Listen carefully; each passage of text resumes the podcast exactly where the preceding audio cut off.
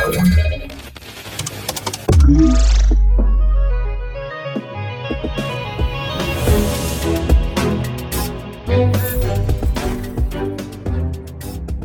to już 192 odcinek podcastu Fundacji Bezpieczna Cyberprzestrzeń Cyber Cyber Raport, w którym przybliżamy Wam najważniejsze wiadomości ze świata cyberbezpieczeństwa. Po tej stronie mikrofonu Ewa Matusiak i przed nami kilka naprawdę ciekawych tematów.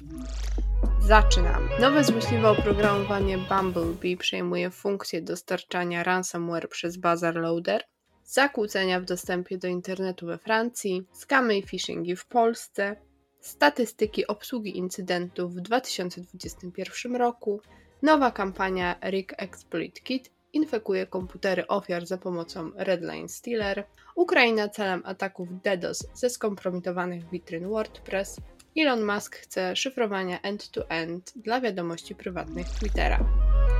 Zaczynamy od pierwszej wiadomości.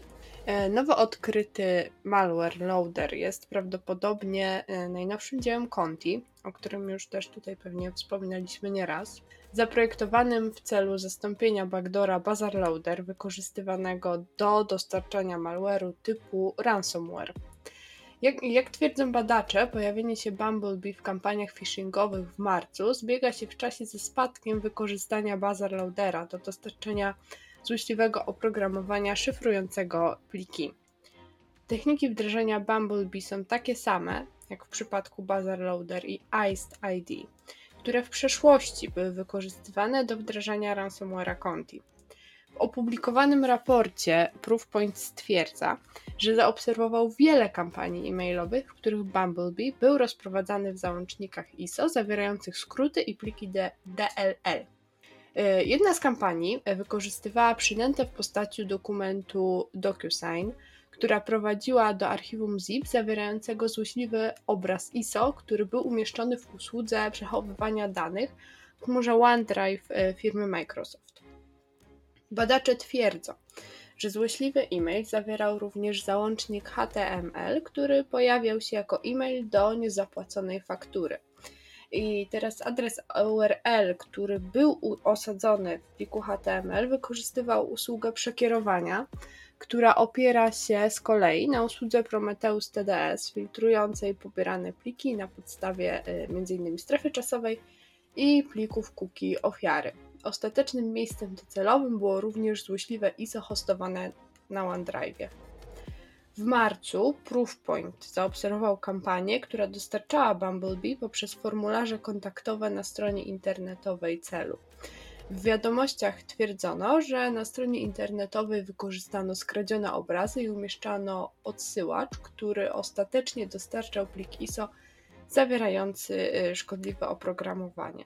Mm, co jest ciekawe, to badanie kodu ujawniło, że złośliwe oprogramowanie poszukuje wielu narzędzi do analizy dynamicznej i statycznej i próbuje wykryć no, każdy rodzaj środowiska wirtualizacji, szukając jego procesów oraz sprawdzając klucze rejestru i ścieżki plików. Jest y, generalnie ten y, malware jest aktywnie rozwijany i z każdą aktualizacją zyskuje kolejne nowe możliwości. Natomiast poszczegóły zapraszam do raportu i do artykułu, na podstawie którego przygotowywałam się do dzisiejszego odcinka. Oczywiście wszystkie linki znajdziecie pod odcinkiem. Kolejna sprawa jest bardzo ciekawa, ponieważ w ostatnim zaworze bezpieczeństwa prowadzący mówili już o zakłóceniach internetu we Francji, natomiast y, wtedy był to taki problem, e, że pewien mężczyzna używał Jamera, a tym razem sprawa jest inna. Na Twitterze NetBlocks pojawił się wpis o tym, że dane sieciowe wskazują na regionalne zakłócenia włączności internetowej we Francji u wielu dostawców. I przez to użytkownicy w niektórych częściach kraju nie mieli dostępu do internetu. E, co ciekawe, Operatorzy i władze przypisują ten incydent aktom sabotażu na infrastrukturze światłowodowej. I teraz na czym to polega? Okazuje się, że w nocy z wtorku na środę, 27 kwietnia, doszło do przerwaniu do przerwania kilku sieci światłowodowych, co spowodowało brak dostępu do internetu w wielu domach.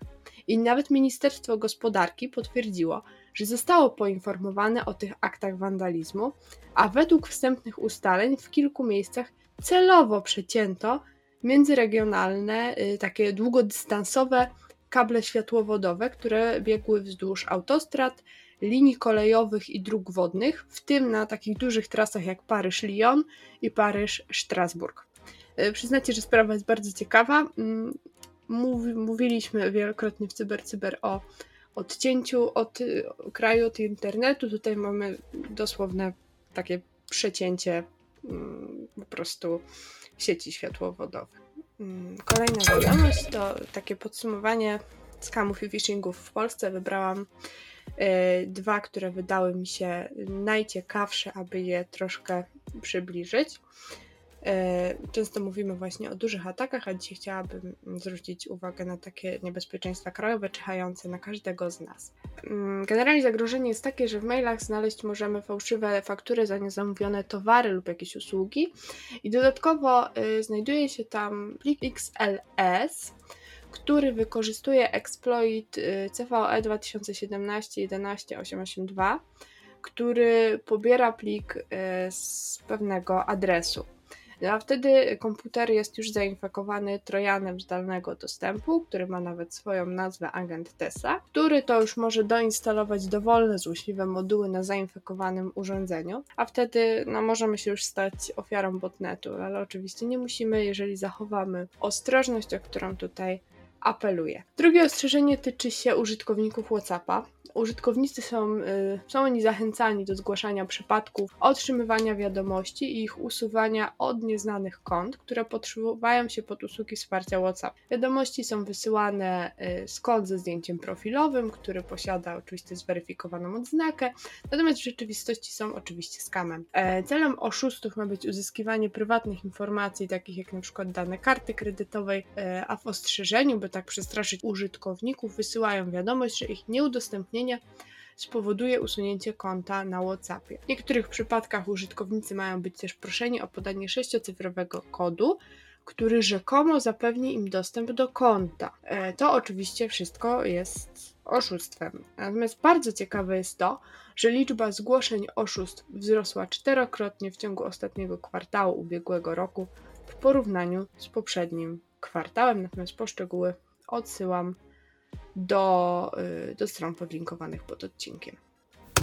Kolejna wiadomość to statystyki obsługi incydentów w 2021 roku, czyli zostajemy jeszcze na chwilę w Polsce, ponieważ CERT Polska wrzucił wczoraj przedsmak ich rocznego raportu i niektóre e, rozdziały z raportu zostaną opublikowane jako artykuły na stronie CERT Polska. No i pierwszym mm, takim materiałem są statystyki obsługi incydentów. I to jest bardzo ciekawe, ponieważ w 2021 roku CERT Polska zarejestrował ponad 116 tysięcy zgłoszeń. I spośród tych wszystkich zgłoszeń wytypowane zostało ponad 65,5 tysiąca, na podstawie których zarejestrowano niemal 30 tysięcy unikalnych incydentów cyberbezpieczeństwa i to jest bardzo dużo, ponieważ jest to wzrost o 182% w porównaniu do 2020 roku. Tak jak i w zeszłym roku, najpopularniejszym typem incydentów był phishing, stanowiący ponad 3 czwarte wszystkich obsłużonych e, incydentów. I co ciekawe, najpopularniejsze było podszywanie się pod serwis społecznościowy Facebook. Na drugim miejscu uplasowało się szkodliwe oprogramowanie. To stanowi 9% wszystkich obsłużonych incydentów, a podium zamyka kategoria obraźliwych i nielegalnych treści, w tym spamu. I odsetek tego typu incydentów wyniósł 1%, natomiast tak mały odsetek wynika z tego, że te zgłoszenia przejmuje dyżurnet. Y, o tym też już mówiliśmy w naszych podcastach i na kanale znajdziecie nawet wywiad z Martyną Różycką z dyżurnet.pl.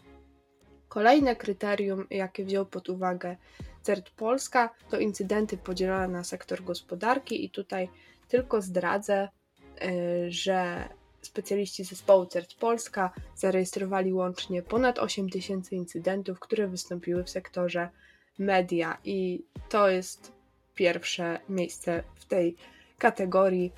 ale o tym już przeczytacie w raporcie, a w zasadzie w artykule na stronie CERT Polska. Jak najbardziej odsyłamy, a link oczywiście pod odcinkiem. Kolejna wiadomość to nowa kampania Rig Exploit Kit, która infekuje komputery ofiar za pomocą Redline Stealer. I to jest zaobserwowana nowa kampania z wykorzystaniem zestawu exploitów, która wykorzystuje lukę w przeglądarce Internet Explorer załataną w zeszłym roku przez Microsoft w ramach Patch Tuesday do rozprzestrzeniania Trojana Redline Stealer. Po uruchomieniu Redline Stealer przeprowadza rozpoznanie systemu docelowego, a następnie przenosi dane, w tym na przykład hasła, zapisane karty kredytowe itd., tak do zdalnego serwera dowodzenia i kontroli. Większość infekcji jest zlokalizowana w Brazylii i Niemczech, ale również w Stanach Zjednoczonych, Egipcie, Kanadzie, Chinach i nawet Polsce. Główną metodą infekcji wykorzystywaną przez atakujących do rozpowszechniania zestawów exploitów w tym przypadku Rig Exploit Kit są skompromitowane strony internetowe, które po odwiedzeniu podrzucają kod exploita, aby ostatecznie wysłać payload Redline Stealer w celu przeprowadzenia kolejnych ataków. E, co ciekawe, w lutym 2022 roku już firma HP opisała atak socjotechniczny który wykorzystywał fałszywe instalatory aktualizacji do systemu Windows 11 w celu nakłonienia użytkowników systemu Windows 10 do pobrania i uruchomienia złośliwego oprogramowania. Po więcej zapraszamy oczywiście do materiałów pod odcinkiem. Ukraina celem ataków DDoS ze skompromitowanych witryn WordPress. I to jest ostrzeżenie y, ukraińskiego zespołu reagowania na incydenty komputerowe. Celem y, trwających ataków DDoS są proukraińskie strony internetowe oraz rządowy portal internetowy. Nieznani na razie sprawcy zagrożeń atakują witryny WordPress i wstrzykują złośliwy kod JavaScript w celu przeprowadzenia ataków. Skrypty te są umieszczane w strukturze HTML głównych plików witryny i są kodowane base64 w celu uniknięcia wykrycia. Kod ten jest uruchamiany na komputerze osoby odwiedzającej witrynę i kieruje jej dostępne zasoby obliczeniowe do generowania nadmiernej liczby żądań do obiektów ataku zdefiniowanych w kodzie. W rezultacie y, niektóre z docelowych stron internetowych są przeciążone żądaniami i stają się niedostępne dla swoich stałych użytkowników. CERT ukraiński poinformował właścicieli, rejestratorów i dostawców usług hostingowych zagrożonych stron internetowych o zaistniałej sytuacji oraz dostarczyła instrukcje, jak wykryć i usunąć złośliwy JavaScript z ich stron. Także dostarczyli y, odpowiednie narzędzia. Ponadto, oczywiście, ważne jest, aby aktualizować systemy zarządzania treścią, do tego stosować najnowsze dostępne wersje wszelkich aktywnych wtyczek oraz ograniczyć dostęp do stron zarządzania witryną. Poszczegóły odsyłam do materiału pod odcinkiem. I czas już na ostatnią dzisiejszą wiadomość. Y, skaczę dzisiaj trochę po tematach, ale wydało mi się naprawdę ciekawe, że wiadomości prywatne na Twitterze miałyby być szyfrowane end-to-end. Y, oczywiście również y, w tym miejscu mogę odesłać Was do naszej strony, na której znajdziecie artykuł o szyfrowaniu i wtedy zrozumiecie, na czym to polega i dlaczego jest tak ważne. Nowy właściciel Twittera wezwał w czwartek do dodania obsługi szyfrowania end-to-end do funkcji bezpośrednich wiadomości na platformie. Na razie jednak nie jest to w żaden sposób potwierdzona informacja. Zobaczymy z czasem, czy faktycznie się to przyjmie. Natomiast jestem ciekawa, co o tym myślicie. Podzielcie się swoją opinią w komentarzu pod y, odcinkiem. Ja natomiast dzisiaj już Wam dziękuję za ten odcinek. Widzimy się w poniedziałek, ale mamy dla Was też dzisiaj niespodziankę. I jeszcze y, dzisiejszego popołudnia, to jest w piątek 29 kwietnia, opublikowany zostanie jeden odcinek specjalny na naszych kanałach. Tymczasem ja się żegnam. Dzięki wielkie, cześć.